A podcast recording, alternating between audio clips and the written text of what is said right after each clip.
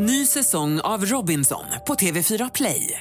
Hetta, storm, hunger. Det har hela tiden varit en kamp. Nu är det blod och tårar. Fan händer just nu. Det. är Detta är inte okej. Robinson 2024, nu fucking kör vi! Streama söndag på TV4 Play. Podplay. Jag ska ringa upp honom. Så ska vi förhoppningsvis ha honom i hörluren hos dig också. Ja, hör att det ringer i alla fall. Det är som gamla så ring så spelar vi. Ja. Ja, Vad vinner jag? precis. Det är fyra skivor i potten. Vilket nummer vill du ha? Det betyder att det är fyra dårar före mig. Ja, precis. Hej Mattias.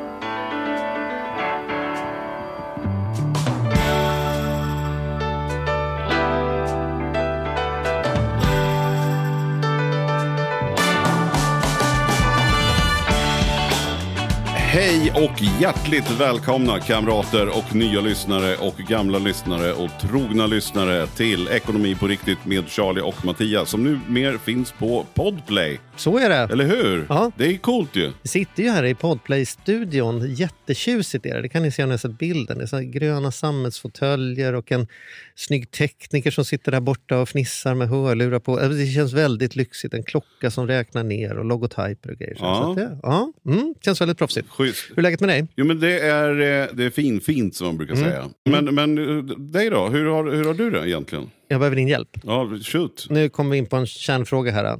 Jag gillar ju med sommaren, när klockan blir 22-23, då vill jag att Andrea och jag ska gå in när man tror att man vara ute, men det är fortfarande för ljust för att gå och lägga sig. Och då vill man se en sommardeckare. Mm. Och då är det nu, eh, har jag en spaning här att jag har ett problem jag behöver din hjälp med. Det finns inga roliga deckare. Det görs in, allting är... Snälla Mattias, hjälp mig med en deckare som inte handlar om en kvinnlig polis som är missbrukare av tabletter eller alkohol och försöker balansera tonårsbarns familj och karriär som polis. Det är det enda alla serier handlar om. En kvinnlig polis som ska försöka balansera arbetsliv och privatliv. Och jag har sett dem nu. Jag har sett de alkoholiserade kvinnorna som är polis, så att det räcker. Jag skulle vilja ha lite mer så här Agatha Christie, fast jag kan ju alla utan till. Det är inget kul att se en deckare när jag vet vem som är mördaren innan det börjar. Har du någon lättsam Knives Out, fast i 62 avsnitt, sommardeckare? Tack, doktorn. Har du sett Lupin? Ja, det har jag. Den är ju lite lättsam. Ja, jag håller med Är, är dig. det en sån du tänker liksom? Ja, precis. precis. Det, det hade varit bra. bra. Bra tips. Nu gillar jag hur du tänker. Ja, bra. Men då, låt mig få fundera under poddens gång här. Så ska, Mm. jag, så ska jag nog knäcka någonting innan vi, innan vi är färdiga. Eh, Helt klart. Och ni som lyssnar kan ju bara in i vår Facebook-tråd eller Insta, bara skriv nu kommentarer. Ge mig, ge mig listan. Jag öppnar ett konto på vilken jädra leverantör som helst, bara du har någonting som är lite kul och lite intelligent och inte bara försupna poliser. Ja, men då kan vi väl be våra kära lyssnare att gå in på Charlie och Mattias på eh, Instagram och Mm. lägga sina förslag på bästa serier. Det kan ju också vara så att Ljuskungen går han under för mig. Och då får vi se vilket Ja. ljus. Men alltså, på tal om att du säger att när det blir ljust, det är för, det är för ljust för att gå och lägga sig. Kan vara så att Jon har varit där och tänt upp hela eran lägenhet eller inte. Men, och nåväl, det har varit flummigt, men det skiter vi. Det bjuder vi på och välkomnar in Jon Strand. Varmt välkommen!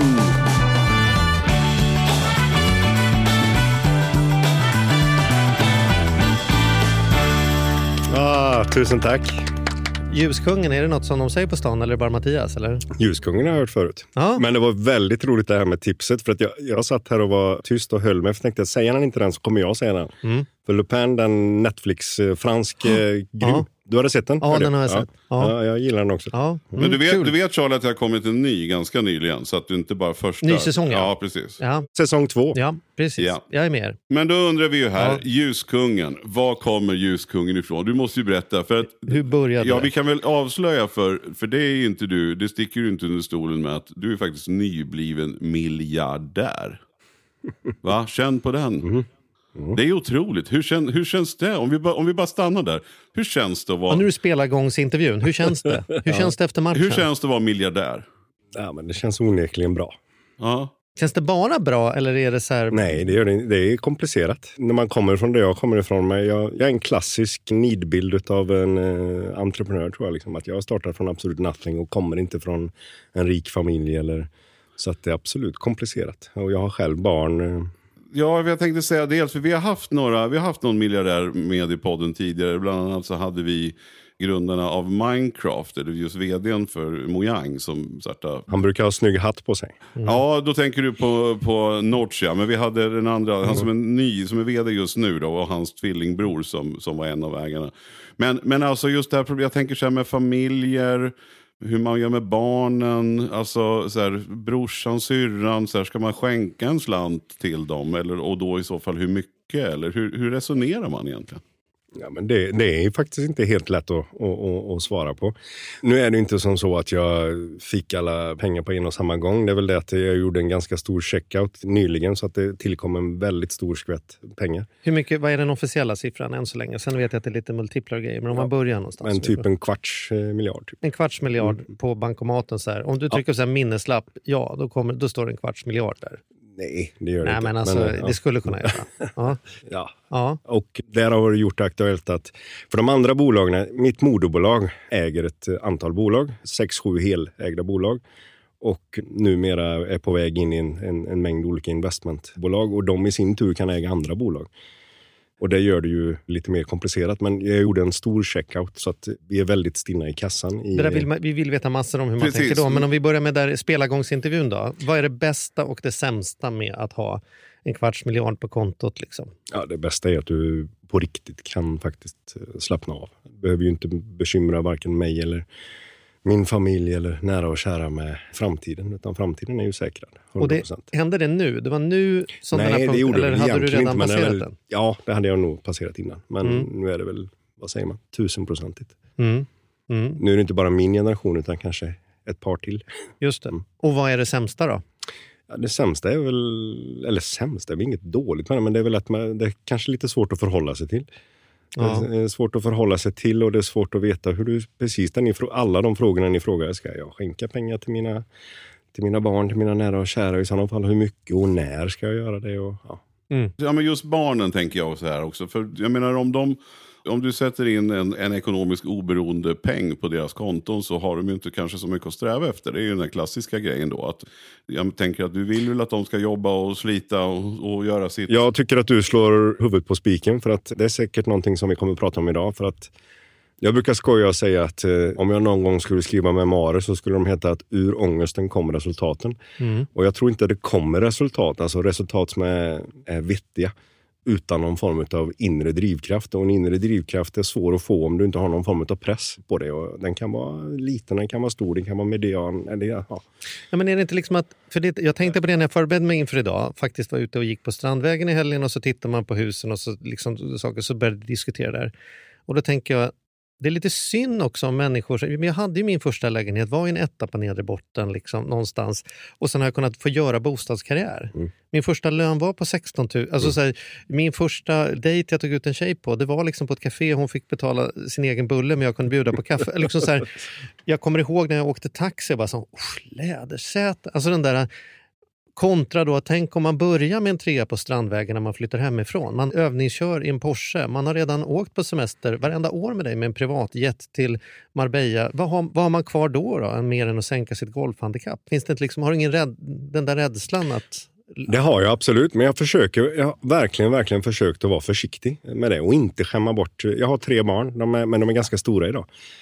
De är 17, 20, 22. Mm. Jag har verkligen, verkligen försökt att och är fortfarande väldigt försiktig med Mm. och, och bara ge saker och ting. Hur reagerar de då? Tycker de att, men vad fan, farsan, herregud, Nej. det är väl bara swisha en miljon, kan vi sluta tjafsa om detta? Eller är det som, Nej, nej men det där har inte jag med att göra. Jag är faktiskt så lyckligt lottad så att jag nästan skäms är fel ord, men jag, det har gått väldigt bra för alla mina tre barn. Jag har inte, vi har inte haft några stora incidenter med, med någon av dem. Det har vi kanske mest deras mor att tacka för, men Mm. fantastiska barn. Men vad härligt, men då måste vi få höra nu resan. Om du, vi liksom ska summera då, för jag menar in, innan du kom dit du gjorde. Ja, Jag tycker det är så intressant det här med, för det handlar ju om ljus, alltså det handlar om fordonsljus i grunden. Och just LED-belysningen och hela den här grejen. Så, så mycket vet jag. Jag har ju kollat in Strands hemsida och, och sådär. Men, men hur, kom, hur kommer det sig? Vad gjorde du i skolan och vad började du jobba som? Och när knäckte du den här idén eller vad man ska kalla det för? Okej, eh, skolan den går fort, för jag gick bara 1 till 9. Jag har inte ens gått gymnasiet. Mm. Så jag slutade när jag var 15, startade mitt första företag då inom eh, dagligvaruhandeln. Då sålde jag eh, saft och skorpor och senap och lite andra grejer. Till butiker? Till eller? butiker, mm. Mm. B2B. Mm. Long story short, jag jobbade som säljare kan man ju säga. Ifrån jag var 15 år fram till jag var 22 i olika former och var chef på, blev tidigt chef på ett bolag i, i Göteborg. Gick från säljare till försäljningschef till marknadschef. Och det var ett bolag som jobbade med delar inom tunga fordon. Mm, det var lite där du kom in på själva belysningssidan Exakt. kan man säga. Då. Ja. Och då hade det här med xenon, vet ni vad xenonbelysning är? Absolut. Ja, Jag skulle till säga Xenon, så jag vet inte. Ja, det Xenon jag har eller sett, Xenon. Jag har sett Ja, loggan i alla fall. Ja. Där, som Jo, här. men det skulle Ja. man ju ha på bilar. Det skulle man ju absolut ha. Jag kommer ihåg när de här xenonljusen kom, för de var ju så mycket bättre än de vanliga gamla lamporna. Jag minns inte vilket år. Men jag, fick jag minns eh, när man... fy, fyra gånger så mycket belysning för en kvarts så mycket effekt. Ja, Mhm. exakt. Det var xenon. Ja. Mm. Ja, då, då hade det kommit och var ganska på, på ropet. Men då, då hade även LED börjat, det var i sin linda, liksom 2002 där någonstans. Och det är två olika grejer det här? Ja, Ja. LED är dioder, alltså en helt annan typ av eh, Okej. belysning. Det är ännu mer effektivt. Alltså Mhm. det är, Mm. Då kunde du ha, ja, för att sätta det i perspektiv, så kunde du ha belysning som drog 20 watt och gav en viss lumen, alltså viss styrka i belysningen. Då kunde du för 1,2 watt få exakt samma Mm. eh, typ av. Det hade precis kommit då, men var jättedyrt. Det var Mm. otroligt dyrt då. Eh, Men jag tänkte och trodde att det här är, jag fick en liten sån Jesus uppenbarelse. Det här är framtiden. Och du, då satt du som marknadschef Ja. på, på det här... Och det var ett, ett familjebolag i, i Göteborg. Vi var med om en fantastisk, eh, eller jag var med om en fantastisk resa. Jag var med och tog dem ifrån, vad kan det ha varit, 16-17 miljoner till över 100 miljoner på Mm. fyra fem år där. Men de trodde inte lika hårt på det som jag trodde. Så då, long story short, jag slutade och startade Strands. Mm. Och började med eh, LED-belysning, eh, och inte bara LED-belysning utan lite andra produkter också. Men så småningom så utkristalliserade sig till att bara handla om, om belysning och eh, LED och ett varumärke, Strands. Då. Och, och, och egentligen till fordon måste jag bara fråga. Det, det var fordon i, i grunden liksom? Fordon, både tunga och lätta, men i- från början var det fokus på, på tunga fordon. Mm. Men det är också den fina med tekniken, med LED-tekniken, att eh, den är så lätt att göra 12 till 24 volt. Alltså du kan använda samma lampa för personbilar är 12 volt och tunga fordon är 24 volt. Mhm. Ja. Men, men med LED spelar det ingen roll. Mhm. Men när du startade det, tänkte du så här, nu kör vi. Nu kör vi stort kontor, in med 40 bra säljare, nu drar vi igång detta. Det här kommer jag sälja för, för eh, en kvarts miljard om några år. Nu pumpar vi på här och ser till att vi har rätt licenser. Eller var det liksom, jag provade själv att gjuta lite i garage. Alltså så här, du vet, var, var var ambitionsnivån när du drog igång? Liksom? Nej, äh, ja, jag kan förklara det. För att efter två år så blev vi det jag brukar kalla ett försörjningsbolag. Vi omsatte Mm. typ sådär 7 miljoner. Mm. Då kunde jag och en anställd eh, försörja mig på med en vettig lön och Mm. liksom, ja, ha det bra. Mm. Men det var jag inte intresserad av. Varför inte det då? Är inte det soft? Du kunde spela golf och livet funkade och vara hemma med kidsen på helgerna? ja, jag, vet bara- inte, jag vet inte. Jag är född med större ambitioner än så. Ja. Vi kanske kan prata om det sen men, och varför. Men Ja. eh, det är jag. Så jag brukar säga att jag har startat bolaget två gånger. Första gången givetvis när jag startade och andra gången var efter två år.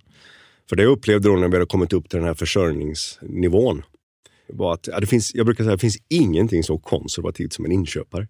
När jag åkte runt till de här Scania och Volvo-handlarna eller eh, bilåterförsäljare med LED-belysning så eh, sa de att ja, men det är ingen som frågar efter det, så det vill vi inte ha in. Nej. Och jag sa till dem att ja, men jag tror fan att det är ingen som frågar efter det, för ni erbjuder inte det heller. Mm. Mm. Så att det var liksom en sån här status quo. Mm.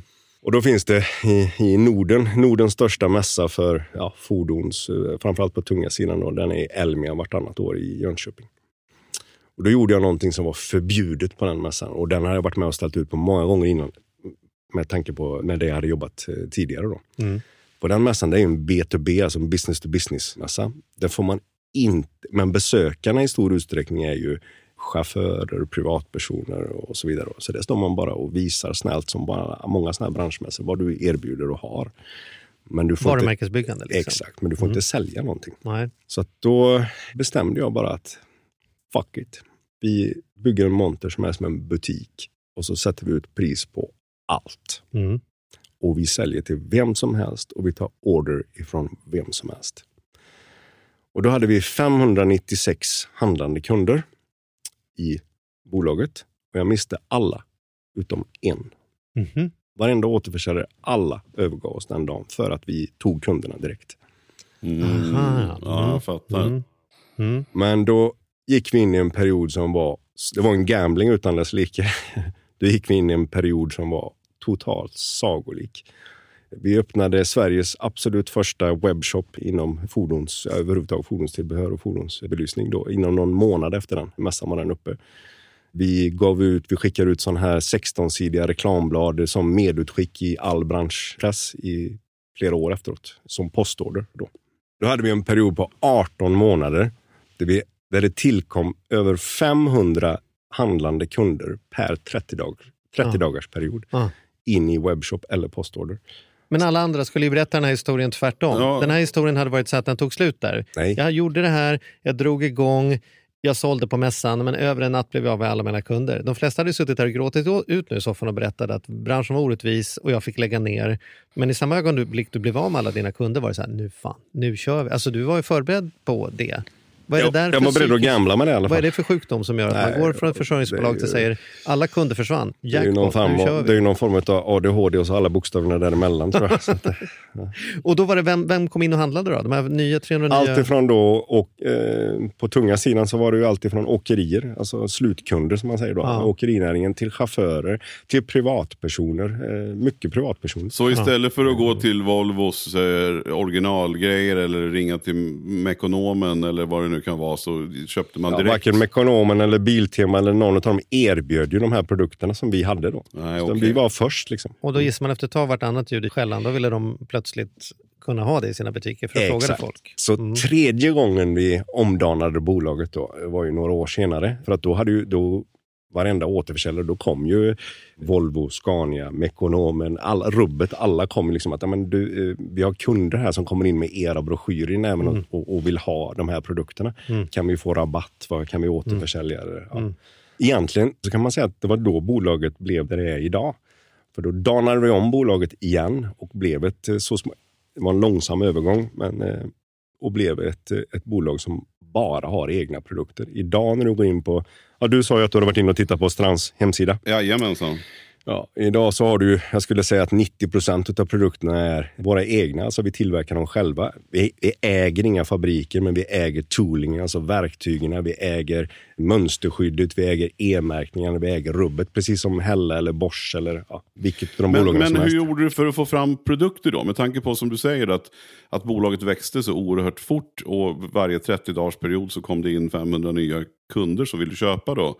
Hur, hur lyckas man, för jag tänker också det är en omställning att hinna, att hinna leverera då. För jag tänker de här grejerna gjordes väl inte i Sverige, eller görs väl inte i Sverige i huvudsak. Allt du tänker på tror jag, alla problem man kan tänkas få då, de hade vi. Mm. Ja.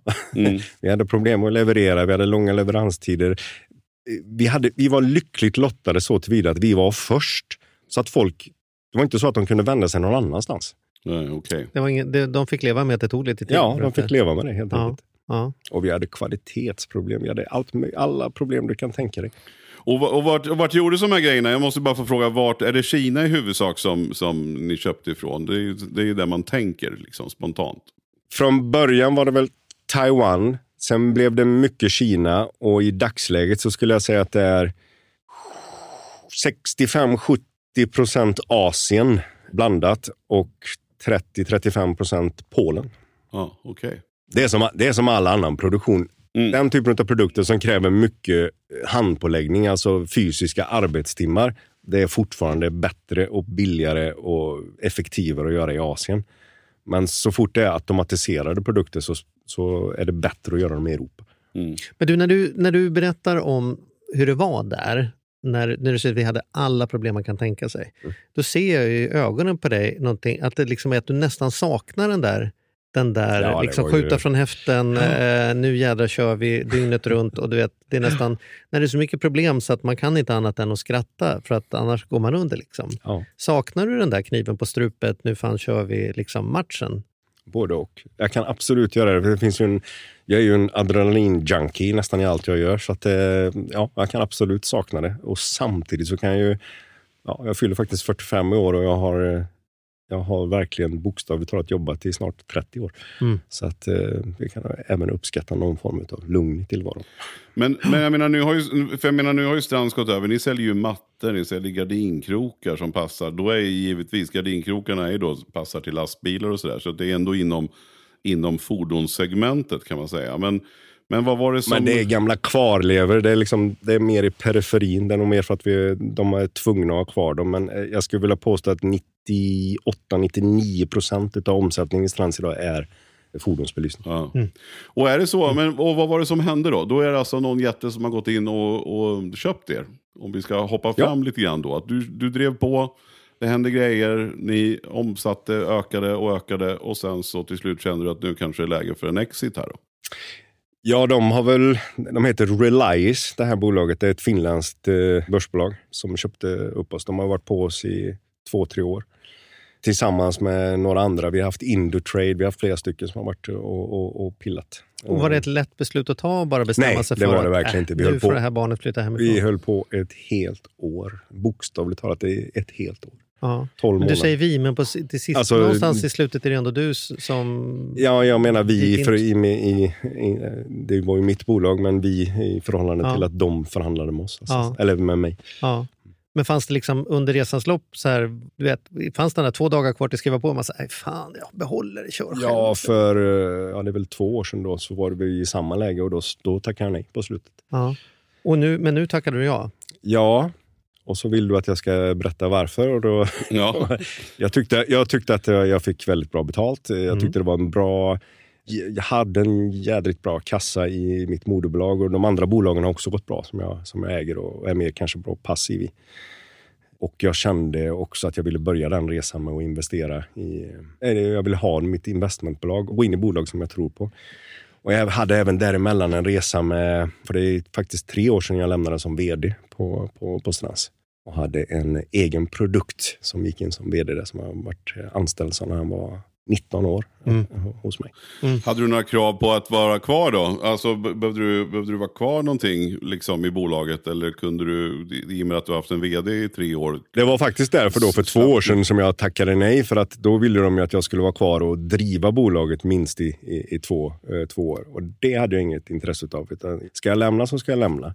Ja, och det var därför jag tog upp det. För det där är ju väldigt vanligt Mm. vid, vid företagsförsäljningar. Att man kräver liksom att, att nyckelpersonen faktiskt stannar kvar. För man är rädd att, att eh, man ska tappa, tappa kunder och, och inte ha den kännedomen och sådär. Men det, då är det ju smart som du har gjort då innan att tillsätta en ny vd. Så, att- som möjliggör då att det är enklare för dig att motivera att du inte ska vara kvar. Be bevisa att du inte behövs för att skapa Exakt, resultatet. så det kände jag att jag, jag hade faktiskt en plan då. Mm. Eh, att jag, jag skulle göra det. Och han har gjort jäkligt bra ifrån sig. Mm. Eh, Han heter Johan Carlos och är en fantastisk person och väldigt drivande. Och jag har gjort ett fantastiskt jobb och gör fortfarande än idag.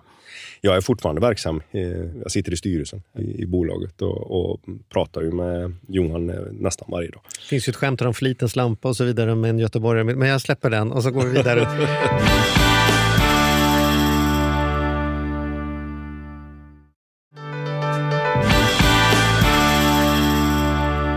Vart ska den här podden gör vi även den här veckan i samarbete med Saveland. Fan vad kul det är att ha dem med ombord. Mm. Jätte, jätteroligt. Ja, vi brukar prata om att man har något band som man såg. Jag stod Bo Kaspers jädrigt tidigt liksom, innan man gjort tv-debut. Och du har något hårdrocksband som du var jävligt tidig på. Ja, alltså jag var på, på Lilla Teatern Göta Lejon och såg Metallica Ja. 1984. Så gammal är jag. Och jag var i kontakt med Saveland när det fortfarande var typ tre, fyra personer där från början. När jag fick möjlighet att träffa dem.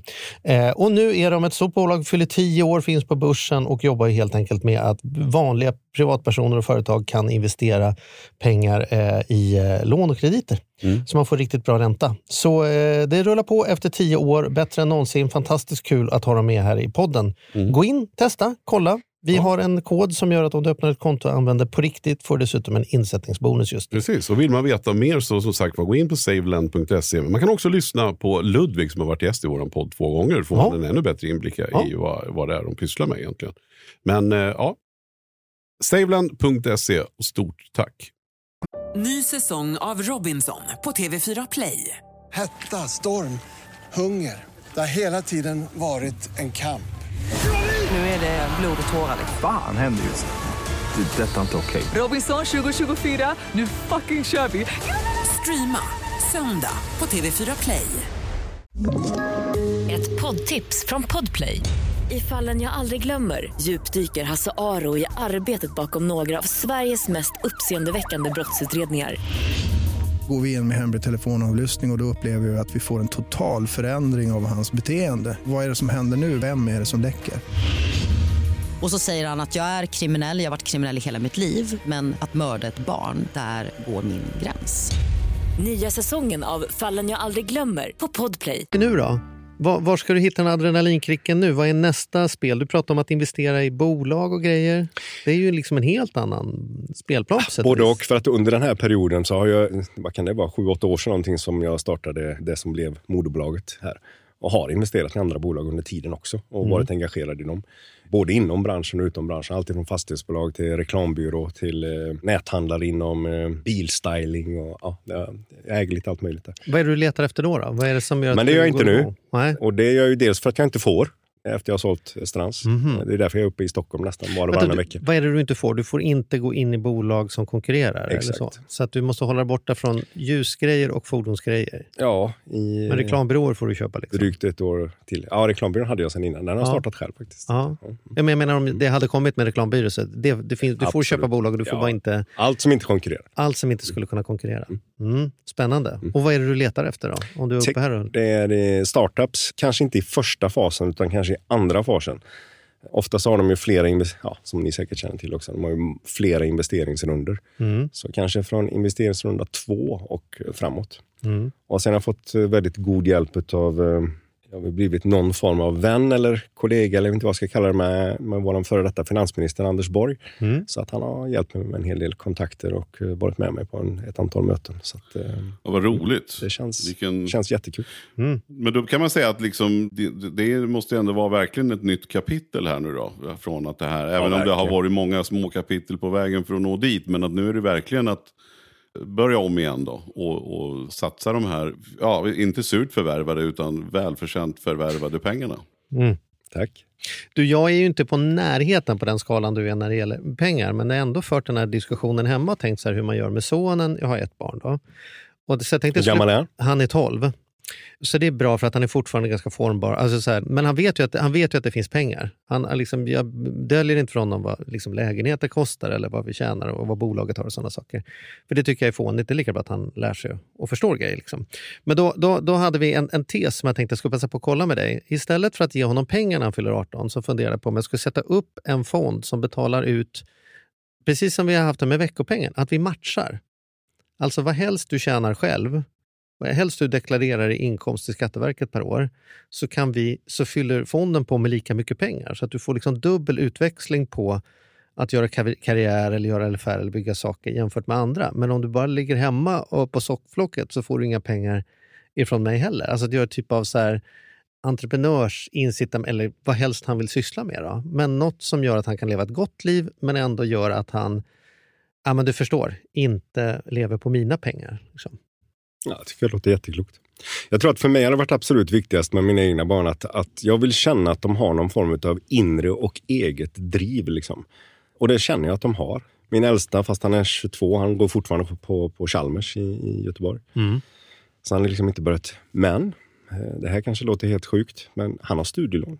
Mm. Han bor ihop med sin flickvän i en lägenhet och inom situationstecken försörjer sig själv och via, eh, via studielån. Det är inte så att det inte, jag kan absolut tänka mig i framtiden att betala av hans studielån. Mm. Absolut, vilken dag som helst. Mm. Men Jag tänker liksom att de ska få leva sitt liv och ha sin egen drivkraft och ha sina, kämpa med det de behöver kämpa med.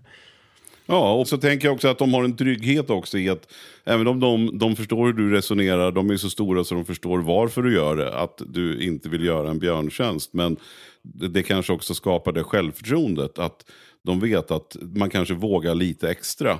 För att man vet att, att föräldrarna ändå är med i det här. Och för mig var det så, när jag startade, jag har ju bara varit egenföretagare också.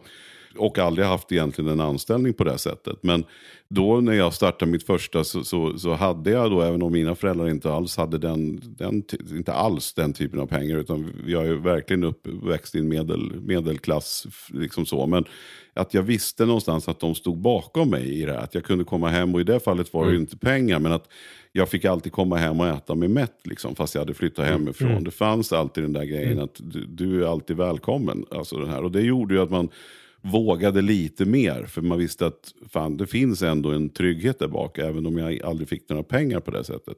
Fully agree. Ja, men det, jag kommer ihåg att vi hade ett ögonblick när jag gick på gatan med min dåvarande tjej och sen sa jag så här, nu måste vi få till den här affären annars blir det kris. Så kommer jag ihåg att, jag, att hon sa det och så tänkte jag så här, kris? Alltså så här, så kom jag på det, nej vänta jag kan inte gå med på kris. Jag kommer alltid ha en säng jag kan sova i. Jag har vänner som kan bjuda mig på middag.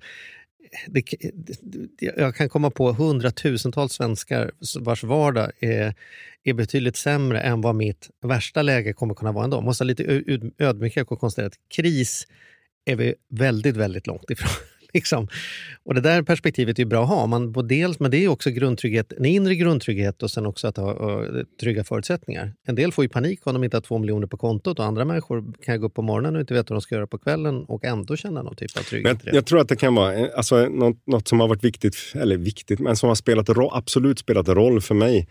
Är ju att alltså, när jag växte upp, när jag, var, när jag var liten, så var vi, jag skulle nästan vilja säga fattiga. Mamma var deltidsarbetande städerska på lasarettet på sjukhuset på den lokala orten och, och farsan var någon industriarbetare. Liksom. Det var inte fett. Liksom. Det, var, det var verkligen inte fett. Vi hade inte, jag vet man noterade sånt när man gick där i, i lågstadiet att vi hade inte råd med samma. Jag kunde inte få såna kläder som, Mm som, som de andra hade och, och dylikt. Liksom. När man kommer tillbaka efter sommaren och ska prata om vad man har gjort på sommarlovet så hör Exakt, man att en del, ja. ja. först var vi i Portugal en vecka. Och Ja, var och vi hade husvagn en vecka. Mm. Liksom, så, här, ja, Mm. Inget fel i det. Eh, Mm. Men mina föräldrar gjorde någon form av eh, miniklassresa. För det visade sig att eh, farsan, precis som jag, var vältalig. Så han blev en duktig säljare och fick ett, ett sånt jobb och tjänade väldigt mycket pengar. Mm. Ja, väldigt mycket pengar.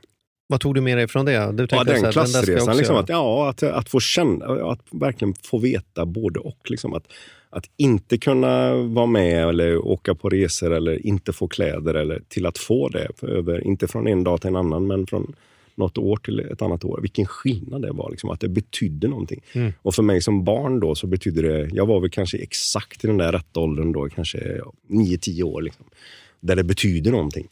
Om man vänder på steken lite grann då här och tänker sig, jag antar att det blev kanske en flaska, en god flaska champagne när ni hade skrivit på avtalet. Men om du nu, vad, vad tänker du unna dig, dig och din fru eller dina barn? Vad, vad, du måste ju också unna dig att det har gått så bra och att du har råd att göra extraordinära saker. Vad, vad skulle det vara eller vad har det varit eller vad kommer det att bli?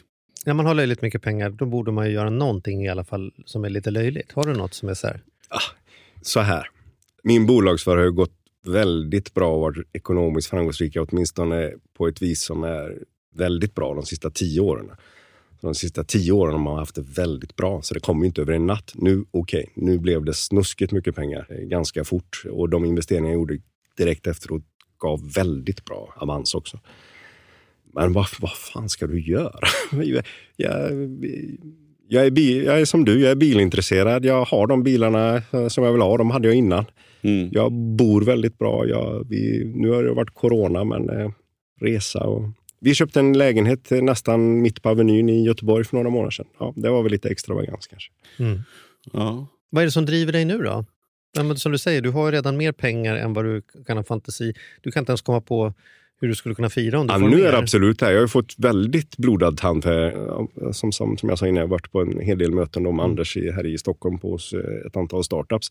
Och jag ser ju jag kan ju se vad de behöver hjälp med. Liksom att, eh, ja, ni är jätte, idén är grym, tekniken är grym, men hur ska ni pitcha den och vem ska köpa den och hur och var och vad ska vi ta betalt? Ja, liksom, jag, det, det brinner jag för att jag vill hjälpa dem. Liksom att, och det, och det, jag, hjälper, även- jag inser att jag även hjälper mig själv med investeringen i sig, men jag, jag brinner verkligen för att, att hjälpa dem. Men som man kan säga, om man ska vara lite elak kan man säga att, att du investerar i bolag är mer en ursäkt för att få åka runt och lägga dig i och vara med i laguppställningen och liksom kunna Ja, göra det du gillar bäst. bra, Bara, Kom igen nu grabbar, nu Ja, kör vi. ja, och då kan du säga vi med rätta, för du är ändå ägare. Det- det Men att det går bra i matchen är egentligen viktigare för dig för att det är kul i laget än att det spelar någon roll om du tjänar mer pengar. Ja, men sen kan jag tycka också att det, men kanske att eh, vid det här laget så har jag ett kvitto på att det jag gör och det jag säger fungerar. Mm. Så att jag kan göra det med en viss pondus. Liksom att, ja, här, gör som jag säger, det kommer funka. Ja, Det måste ju vara otroligt häftigt och roligt som du säger. Jag kan verkligen, verkligen Det är förstå det. fruktansvärt roligt. Mm. Vad I din hela resa här, från när du slutade i skolan fram till nu, vad skulle du säga om du skulle välja ut ett ögonblick som var liksom det modigaste som du gjort? Som har gjort så här stor skillnad? The leap Det- of faith. Liksom. Två, två ögonblick ska jag säga då. Om jag, får får jag ta två? Det får du självklart. Ett var givetvis när jag startade Strands. För att det gjorde jag när eh, jag var 22 år gammal och jag hade lyckats efter mycket krig spara ihop 250 000. Vi hade precis köpt ett, ett hus i Onsala strax utanför Göteborg och vi hade en nyfödd son hemma. Och jag hade räknat, jag hade gjort hela Excel-kalkylen på riktigt. Hur länge klarar jag mig på, på de här pengarna? Mm. Och jag var tvungen, stora delar av dem var jag tvungen att sätta in i företaget. Och sen lånade jag lika mycket till ifrån Almi och sen lånade jag lika mycket till ifrån eh, en bank. Det är nog det häftigaste jag gjort. Så jag levde utan inkomst i 19 månader. Och då var det inte ens inkomst efter 19 månader. Då kunde jag plocka ut milersättning ifrån bolaget. Så det var, det var... Men jag tror stenhårt på den liksom, kniven mot strupen För det gör också att du, det finns inga alternativ till att inte lyckas. Du måste lyckas. Och andra gången var det jag redan har berättat om. Den där mässan. Jag visste vad jag gjorde. Det var inte så att jag var naiv. visste att alla kunder skulle Jag visste att jag kommer förlora allihop. Jag var glad att jag fick behålla en av de här 596. Men Mm. jag visste att jag skulle förlora allihop.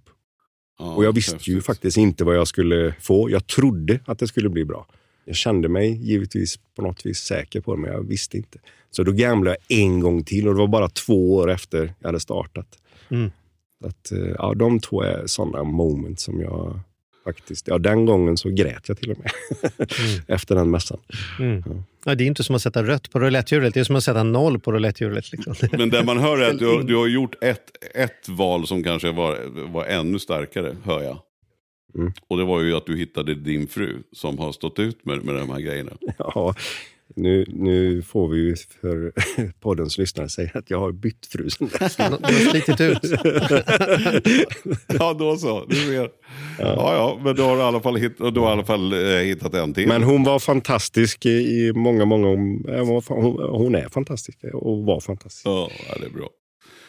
Ja, vad härligt. Ja, men härligt. Vi är nyfikna på att göra en uppföljning om två år och se hur det här gått. Men det... Vi har ju väldigt Ja. mycket Kör, ekonomiintresserade som lyssnar på den här podden och som har startups på gång, vilket vi vet. Vi får väldigt mycket från unga människor som hör av sig och sådär. Om man har en story, om man har ett, ett bra företag, om man har precis gjort en startup och ska in i andra rundan och tänker att det här, Strand, han, han borde vi liksom ta kontakt med. Vad, hur ska man göra då? då? Söker du liksom objekt? Ja, absolut. Gör det. Absolut. Ni är välkomna att kontakta mig. Ni når mig på eh, alla sociala medier. heter jag Jon Strand. Min mejladress är jon.strand tmgiab.com. Ja. Det är bara att kontakta mig. Ja, det är Nu fantastiskt. kommer det senare väller, väller in förfrågningar. Här. Det allra viktigaste är att ni har en grym affärsidé som ni själva tror på. Och Det är inte bara själva affärsidén i sig som är viktig, utan du som person är kanske det absolut viktigaste. Jag har aldrig investerat i någonting där själva produkten i sig är fantastisk, men personen i sig är inte så bra. Utan det är personen i sig som är absolut viktigast. En ganska namnkunnig investerare sa till mig en gång, jag har slutat titta på affärsidéer, titta bara på entreprenören. Kan man sälja 100 000 stavar per år till människor som inte ens har skidor, då kan inte jag hitta en bra affärsidé längre. Det var, det var nog bland det bästa jag hört. Jag vågar inte säga det, men jag, jag, skulle, jag skulle nästan hålla med om det. Ja, Ja, det är person. nästan så jag inte bryr mig om affärsidén. Utan eh, om personen är tillräckligt driven och eh, ja, det betyder nästan allt. Men Mm. då kan jag säga att eh, då kommer du få ett mail av mig för att jag tycker att du ska in i musikbranschen. Jag säger inte mer utan jag skickar ett mail till dig istället på den mailadress Aha. du sa. Så Mm. får vi se om vi hörs igen. Sa du musik? Ja. Musik, sa du det? Ja. Ska, ska du sjunga? Nej, men nästan. Jag tänker att du, så- alltså, man skulle behöva ha in din... nej, jag hör. Jag har en idé. Jag mejlar. Så får vi se om jag blir dissad eller inte. Absolut. Om två år kommer jag göra en intervju med dig och Mattias där ni får berätta om ert projekt. Det vi sitter i Mattias Saab. Ja, ja. Lätt att vi En gör. ny podd. Ja, det är Saab. Saab-intervjun. Har du fler bilar än Saaben då? Nej, men jag, nej, nej, det har jag inte. Men jag har en fyrhjuling på landet och en LED-ramp på den. Det var så dålig belysning på den så att jag skaffade mig en, en riktigt fet LED-ramp. Och det är ju outstanding, det kan jag intyga. Och sen har jag, på tal om ljus, så har jag en BMW. Som jag, jag har kört elbil länge men vill gå tillbaka. Jag, så här, jag väntar på att, att fler biltillverkare ska komma med elbilar. Jag har kört Tesla under en period. Men kände väl mig på ett sätt och vis jättenöjd, men, men ändå inte. Så att just nu så har jag en BMW och på den bilen så sitter det något som heter laserljus. Laser. Ja, och jag vet inte riktigt vad det är, men jag har förstått att det är bra och jag märker att de lyser väldigt, väldigt mycket. Men det vet säkert du vad det är. Ja, faktiskt. Det, det är nästa teknik efter. Det är en form av, eh, jag tror det till och med heter LED laser. Det är nästa form av, det som jag sa till dig med, eller som vi pratade om innan, att xenonen var då fyra gånger mer ljus med bara en bråkdel så mycket energi från halogenbelysningen. Och sen kom ledden och det var ungefär samma tal kan man säga. Och lasern är ytterligare en variant. Eh, Nu kommer det, du kan få så starkt ljus med så lågt energiuttag. Liksom. Ja, du ser. Ja, Ja, ja, det blir någonting för nya, nya Strands att ta tag i. Charlie ser lagom imponerad är ut. så jävla teknikointresserad. Så att, Ja, ja, men kul. Mm. Ja, men otroligt spännande att höra din resa, eh, Jon. Och väldigt, väldigt kul och nära att du kom till podden. Superskoj. Ja, Ja, det var en ära att få komma hit. Ja, tack så Tusen mycket. tack. Tack så mycket. Ha det gott. Du med. Vi ses Hej då. och vi andra, vi hörs om en vecka. Eller hur Charlie? Som vanligt. Som vanligt. Vi Jajamän. kommer tillbaka som en bumerang i etern. Ja, vi är tillbaka vi ska nog vecka. lysa upp nästa vecka också, eller hur? Oj, oj, oj. Oj, oj, oj. Hej!